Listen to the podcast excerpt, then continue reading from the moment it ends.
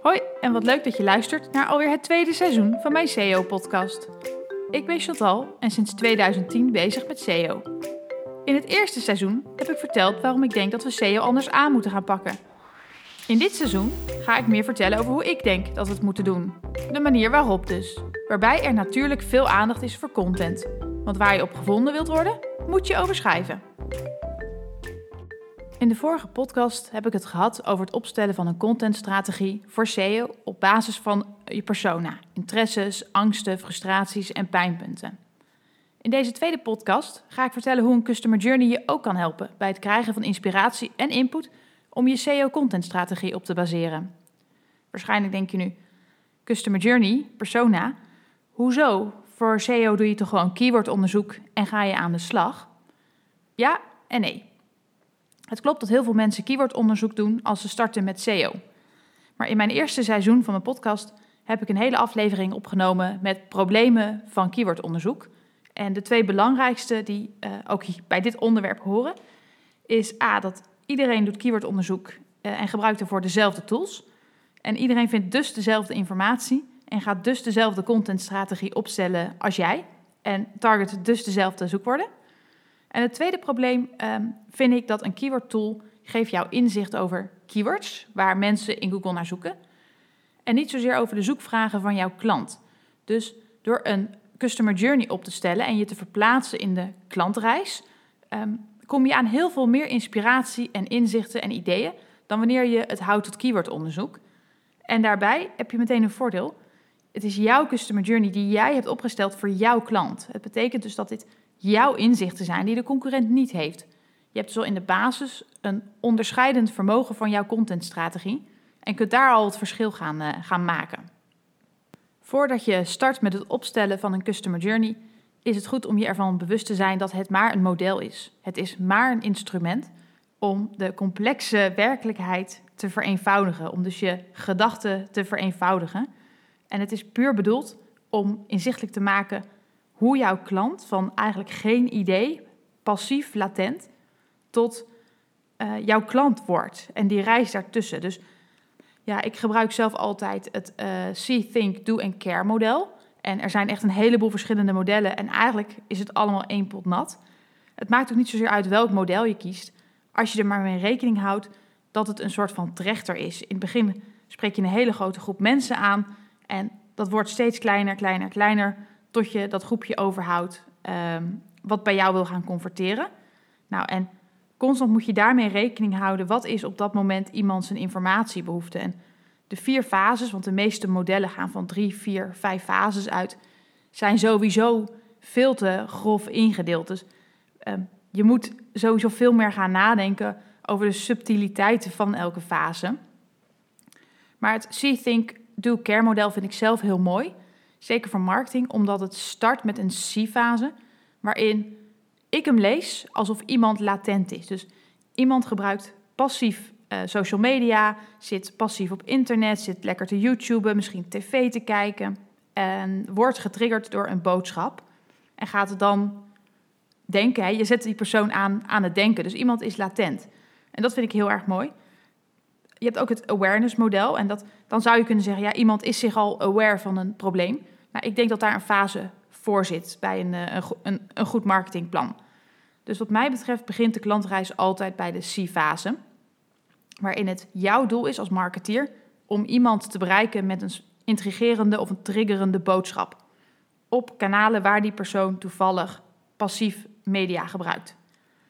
Op het moment dat je iemand aan het denken hebt gezet, breng je die persoon naar een volgende fase. Nou, niet allemaal, daarom wordt het trechter wat kleiner. Een groep breng je naar een volgende fase, dat is dan de think-fase. Daarin gaan ze nadenken over het probleem en zijn ze zich daarvan bewust dat er een oplossing uh, moet gaan komen.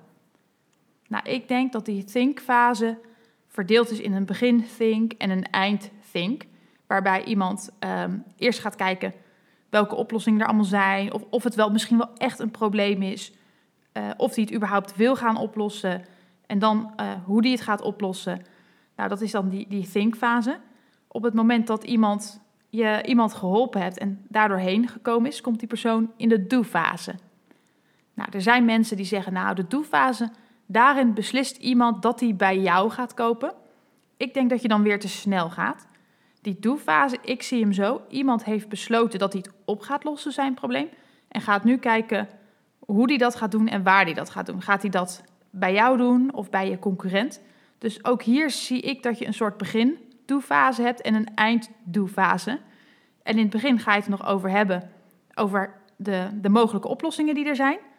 Ehm, hoe jij dat aanbiedt, wat jouw werkwijze is. En aan het eind van die do-fase gaat het over hele specifieke dingen. Dus het kan specificaties zijn van een product. Het kunnen bezorgtijden zijn, misschien wel omruilgarantie. Het kan gaan om casussen of referenties van andere partijen. Ehm, het, zal ook vaak zo prijs meespelen in deze fase. Nou, en dan kom je eigenlijk echt aan het einde van die funnel waarin iemand gaat converteren. En dan komt iemand in de care fase. En bij die care fase is het jouw klant en is het eigenlijk de bedoeling om die klant constant opnieuw te activeren en de customer lifetime value te verhogen. Nou, en die care fase is eigenlijk heel bijzonder, want iemand is niet in de care fase. Ehm, wat mij betreft is iemand dan weer opnieuw in een soort van C-fase gekomen. En die moet je constant via jouw bestaande marketingkanalen en de manieren waarop jij met die klant mag communiceren, opnieuw activeren. Dus die moet je opnieuw in een soort van C-fase triggeren. Dus in mijn contentstrategie die ik met mijn klanten opstel, zie je eigenlijk altijd dat in de care-fase ik weer dezelfde ideeën voorstel als in de C-fase om iemand in eerste instantie te bereiken. Als we het hebben over SEO, zijn er eigenlijk twee fases die bij uitstek interessant zijn. En dat zijn de think en de do fase. En waarom zijn die interessant? Nou, in die think fase gaat iemand vaak op zoek, hè, want die heeft het probleem erkend en die gaat op zoek naar hoe kan ik dit gaan oplossen. En daarvoor zie je dat mensen heel vaak Google gebruiken of YouTube, Pinterest, Spotify. Ehm, mensen gaan op zoek naar informatie. Dus hier komt een actieve handeling. En daarom in de C-fase, ehm, daar plaats ik zelf nooit SEO, omdat ik, in mijn definitie is iemand daar nog niet ehm, klaar om, te, om zelf te gaan zoeken. Hè. Je moet iemand verrassen en triggeren. Dus het zit met name in die think-fase en nog heel veel meer in die do-fase. Van oudsher is SEO echt een do-kanaal. En dat is denk ik ook wat je uit keyword tools vaak haalt. Uh, de termen die in die do-fase zitten en die meteen tot een conversie leiden. Nou, het probleem is dat niet alleen jij die termen gevonden hebt, maar dat de SEA-afdeling van elk bedrijf die termen ook gevonden heeft en daar dus ook op gaat inkopen. Dus voor SEO is het een hele lastige fase om daar vindbaar op te zijn. Want A, je ziet er vaak heel veel shoppingresultaten of advertenties. Dan zie je grote partijen die hier omstrijden. Ehm, Google stopt in deze fase ook nog van alles erin aan Google Maps, local packs. De mensen vragen ook. Ehm, en dat maakt hem heel erg druk, de zoektermen in deze fase. En vandaar dat ik heb gezegd, nou, je moet steeds meer gaan opschrijven terug naar die think-fase met SEO en mensen daar bereiken. Ehm, dat is namelijk de fase waar je vaak geen advertenties vindt van aanbieders, omdat het nog even duurt voordat mensen gaan converteren. Dat gebeurt Soms niet in dezelfde sessie. Dat hangt er een beetje van af wat, in welke business jij zit. Ehm, maar daarmee wordt het lastig om direct door te rekenen wat een advertentie heeft opgeleverd. En voor adverteerders gaat het altijd om ROAS, je return on ad spend, de omzet die je uit je ad spend haalt. Dus als ik een euro in Google gooi, moet die minimaal 3 of 4 euro opleveren. Nou, bij termen in de think-fase is dat, is dat niet zo. Die leveren niet direct ROAS op. En daarom zie je er vaak heel veel minder advertenties. En dat betekent dat daar heel veel kansen liggen in, uh, in SEO.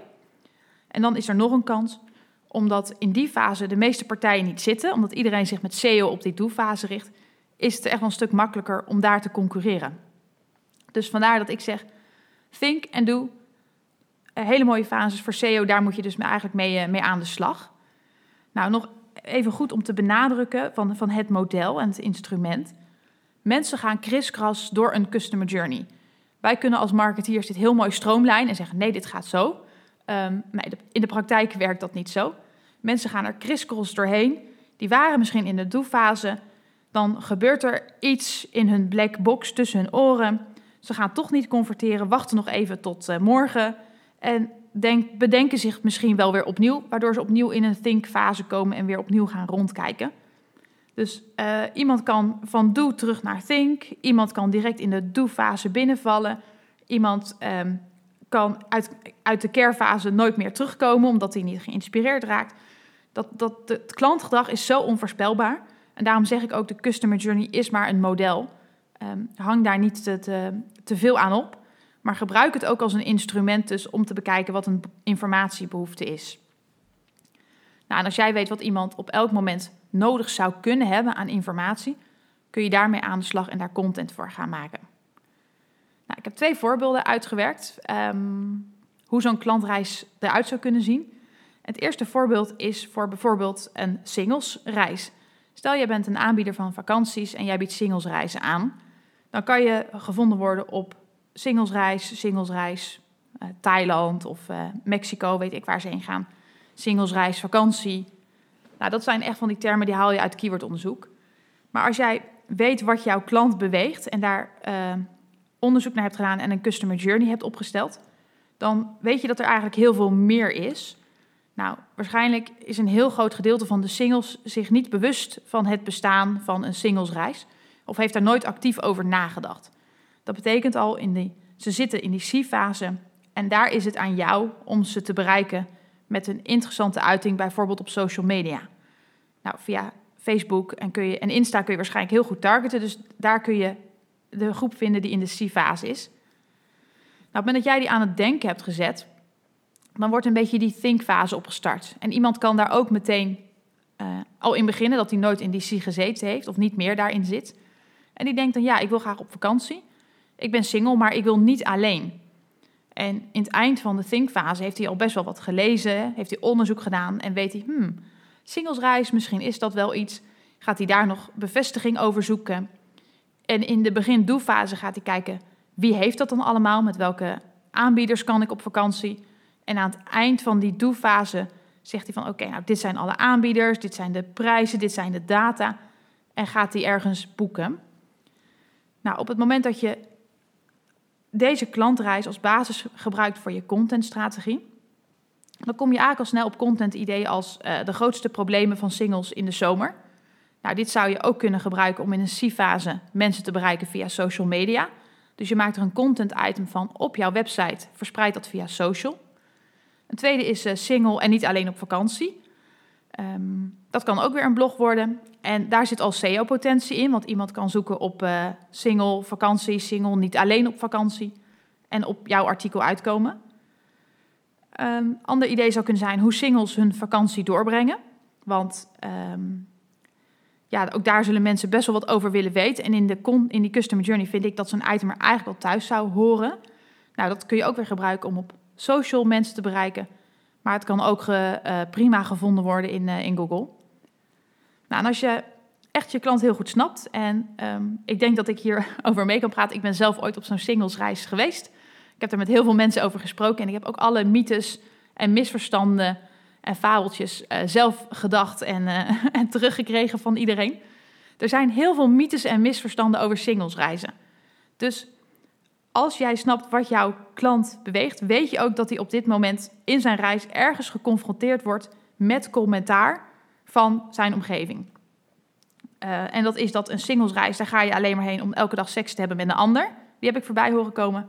Een singlesreis, daar ga je uh, mee heen. Of je gaat op singlesreis om de man van je dromen te vinden. Dus het is een soort van uh, first dates, de extended version. Nou, dat is ook absoluut niet zo. Je hoort dat het. Um, dat, nou, dat, de grootste mythes gaan over. Ook heb ik heel veel gehoord en heb ik ook zelf gedacht dat er mensen meegaan um, ja, die zielig zijn, die niemand hebben, die, die sociaal uh, geen kring hebben, die echt, ja, en dat is eigenlijk heel erg, maar het valt me op dat iedereen deze gedachte heeft gehad. Dus, en dat is dus ook helemaal niet zo. En ik kwam daar pas achter toen ik uh, op een site foto's zag en dacht van, hé, hey, maar dit zijn allemaal hele normale mensen. Nou, het is ook, ik vind het ook heel erg dat ik dit gedacht heb, want eigenlijk is natuurlijk iedereen normaal en zegt dat niet zo heel veel over iemand. Maar het is wel een gedachte die er vaak leeft van, ja, uh, pas ik daar dan wel tussen? Uh, ja, daar pas je tussen, want het zijn gewoon allemaal normale mensen. Dus dat zijn, dat zijn allemaal van die vooroordelen die moet je ook weg gaan nemen ergens in die customer journey. Dus misschien gaat iemand wel zoeken in Google naar singlesreis, wat voor mensen. Nou, dan wil jij daar ook een blog over hebben, dat je die mensen kunt opvangen die daar naar zoeken.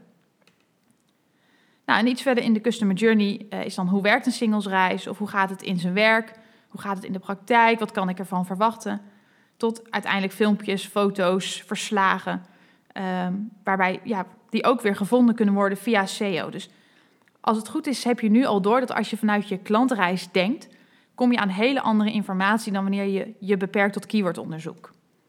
Nou, met al deze ideeën zou je aan de slag kunnen.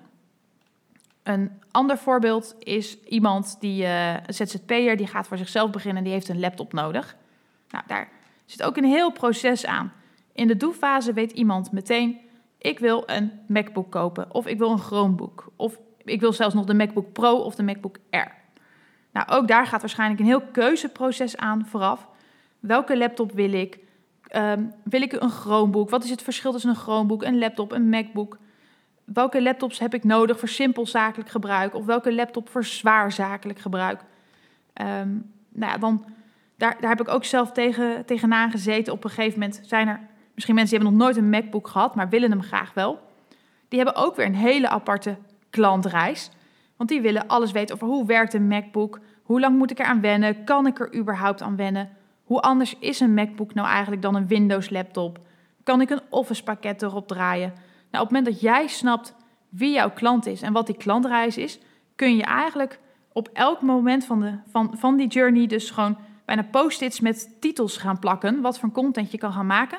En dan kun je de kanalen daaronder plakken waar je het in gaat zetten. Nou, het is ook altijd goed de content die jij maakt voor jouw SEO-contentstrategie. En eigenlijk vind ik het een rotwoord, want het is gewoon een contentstrategie. Want dat kan goed gevonden worden in SEO. Net zoals ik ook een hekel heb aan het woord SEO-tekst. Het is gewoon een, een, tekst die in SEO goed gevonden wordt. Um, maar nou, op het moment dat jij dit weet en zo'n basis legt, dan heb je gewoon een goede contentstrategie. En die content kun je ook gebruiken op social media of in je nieuwsbrieven. Die kun je hergebruiken. Dus het is niet zo dat je dit alleen maar voor SEO zit te maken. Nou, en dan is het goed om te weten als je, wat ik al zei, in die think-fase mensen binnenhaalt, die converteren nog niet meteen. Dus um, daar zit je met een uitdaging. Hoe ga je meten of die content bijgedragen heeft aan een conversie? Um, toen de hele wereld nog om cookies draaide, kon je dit prima meten. En uh, Analytics hield dit ook voor je bij, Google Analytics. En dan kon je zien wat de ondersteunende conversies waren en hoeveel SEO had bijgedragen. Met het verdwijnen van cookies wordt dit steeds lastiger en wordt attributie steeds lastiger toe te wijzen. En dat betekent, daar moet je nu iets op gaan verzinnen. Want standaard meten we altijd op last cookie.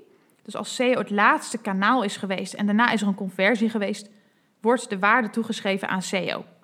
Nou, bij content in de think-fase zal dat vaak niet zo zijn. Dus moet je iets anders gaan verzinnen. En wat je kunt gaan doen is nadenken over microconversies of softconversies waarbij je constant mensen een, um, ja, een aanbieding doet of iets aanbiedt waarmee ze kunnen een, softconversie kunnen doen. En dan weet je eigenlijk ook meteen wie ze zijn en waar ze in hun klantreis zitten. Nou, dat kan een. Um, in de B2B gebruiken we hier vaak whitepapers voor. Maar stel jij bent een uh, online webshop van parfum, dan kan je een proefmonstertje opsturen.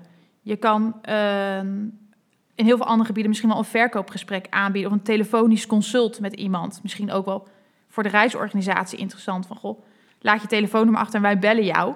Dan kun je dat ook weer meten van hé, hey, die SEO-content heeft zoveel telefonische aanvragen opgeleverd.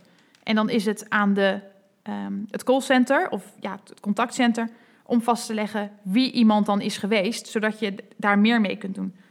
Dus je moet nadenken, hoe kan ik op een vroeg moment iemand laten converteren. Nou, het kan ook zijn met een e-boekje uh, van Windows naar, naar MacBook. Download het gratis e-boekje met vijf stappen. Nou, dan laat ik mijn gegevens achter en dan weet ik, ik heb dat, uh, weet jij, als SEO-marketeer, dat heeft tot een softconversie geleid. Dus je moet ook naar andere KPI's gaan, uh, gaan kijken als je met deze content aan de slag wil. En als je een customer journey gebruikt voor je, voor je contentstrategie. Nou, en wat ook nog goed is om te weten over customer journey modellen, is je kunt er echt, denk ik wel, duizend maken. Um, je kunt er één maken voor de massa. Hè. Ik heb net een globaal eentje gemaakt voor uh, uh, singlesreizen. Nou, zo kun je er ook één globaal maken waarmee je 80% van je doelgroep beslaat. Je kan ook zeggen, nee, ik maak er één voor een specifieke persona. Want een singlesreis, de, de klantreis van iemand die 21 is en op singlesreis gaat, is beduidend anders dan de klantreis van iemand die misschien 35 is en op singlesreis gaat. En weer anders dan van iemand die 50 is en op singlesreis gaat. Dus daar kun je alweer drie verschillende customer journeys en drie verschillende contentstrategieën voor maken. De grootste valkuil in dit verhaal is te nauwkeurig willen zijn, te veel contentstrategieën willen maken, te veel persona's willen aanspreken. En daardoor verzanden in een gigantische hoeveelheid werk en er niet meer uitkomen. Dus mijn eerste tip en, belangrijke waarschuwing: maak één model. Bij voorkeur het model waarbij je 80% van je markt beslaat. Ga daarmee aan de slag, ga daarmee starten. Ga kijken hoe dit werkt en wat dit oplevert. Voordat je ehm, te veel customer journeys en persona's maakt. Je gaat geheid vastlopen. Ik heb dit echt nog nooit goed zien gaan. Dus daarom zeg ik altijd: we gaan er met één beginnen. En dat gaan we eerst doen. En dan kun je hooguit zeggen: het eerste half jaar maak ik er één. Het tweede half jaar Ehm, ga ik er nog één maken als je de content van die eerste customer journey hebt, uh, hebt gemaakt en gepubliceerd. Dus eigenlijk samenvattend, ehm, een customer journey helpt je om meer inzichten te krijgen dan keywordonderzoek, ook andere inzichten. Begin met één globale customer journey. Hou je niet te star vast aan definities of aan die vier fases. Kijk vanuit die klant van wat zijn opvolgende stukjes informatiebehoeften en maak daar titels bij. En wat mij betreft, um, schrijf je er helemaal geen fases boven. Schrijf je gewoon, maak je een soort van trechterlijn en ga je daaronder schrijven wat, wat de behoeftes zijn. Maar zorg dat je niet vastloopt in een procedure of een proces, want dat is helemaal niet het doel. Het doel is niet om een mooi model te maken of een mooi tabelletje met vier uh, rijen of kolommen en die in te vullen. Nee, het doel is om aan ideeën te komen van verborgen informatiebehoeftes van jouw klant. Dus zorg dat je niet in die valkuil uh, stapt. Nou, en dan de tip: als je de content maakt, waarschijnlijk is het zulke mooie content. Die kun je prima gebruiken op social media of via andere kanalen, zoals een nieuwsbrief. Dus doe daar ook wat mee en denk na over de softconversies, die microconversies. Wat ga ik iemand aanbieden, zodat iemand zich kenbaar kan maken en ik ook kan meten wat de impact is geweest, als je niet direct in omzet kunt gaan meten. Dit was hem voor deze keer. Op mijn website chantalsmink.nl slash contenthulp vind je een aantal hulpdocumenten die, uh, die je kunt gebruiken bij het opstellen van customer journeys en een contentstrategie.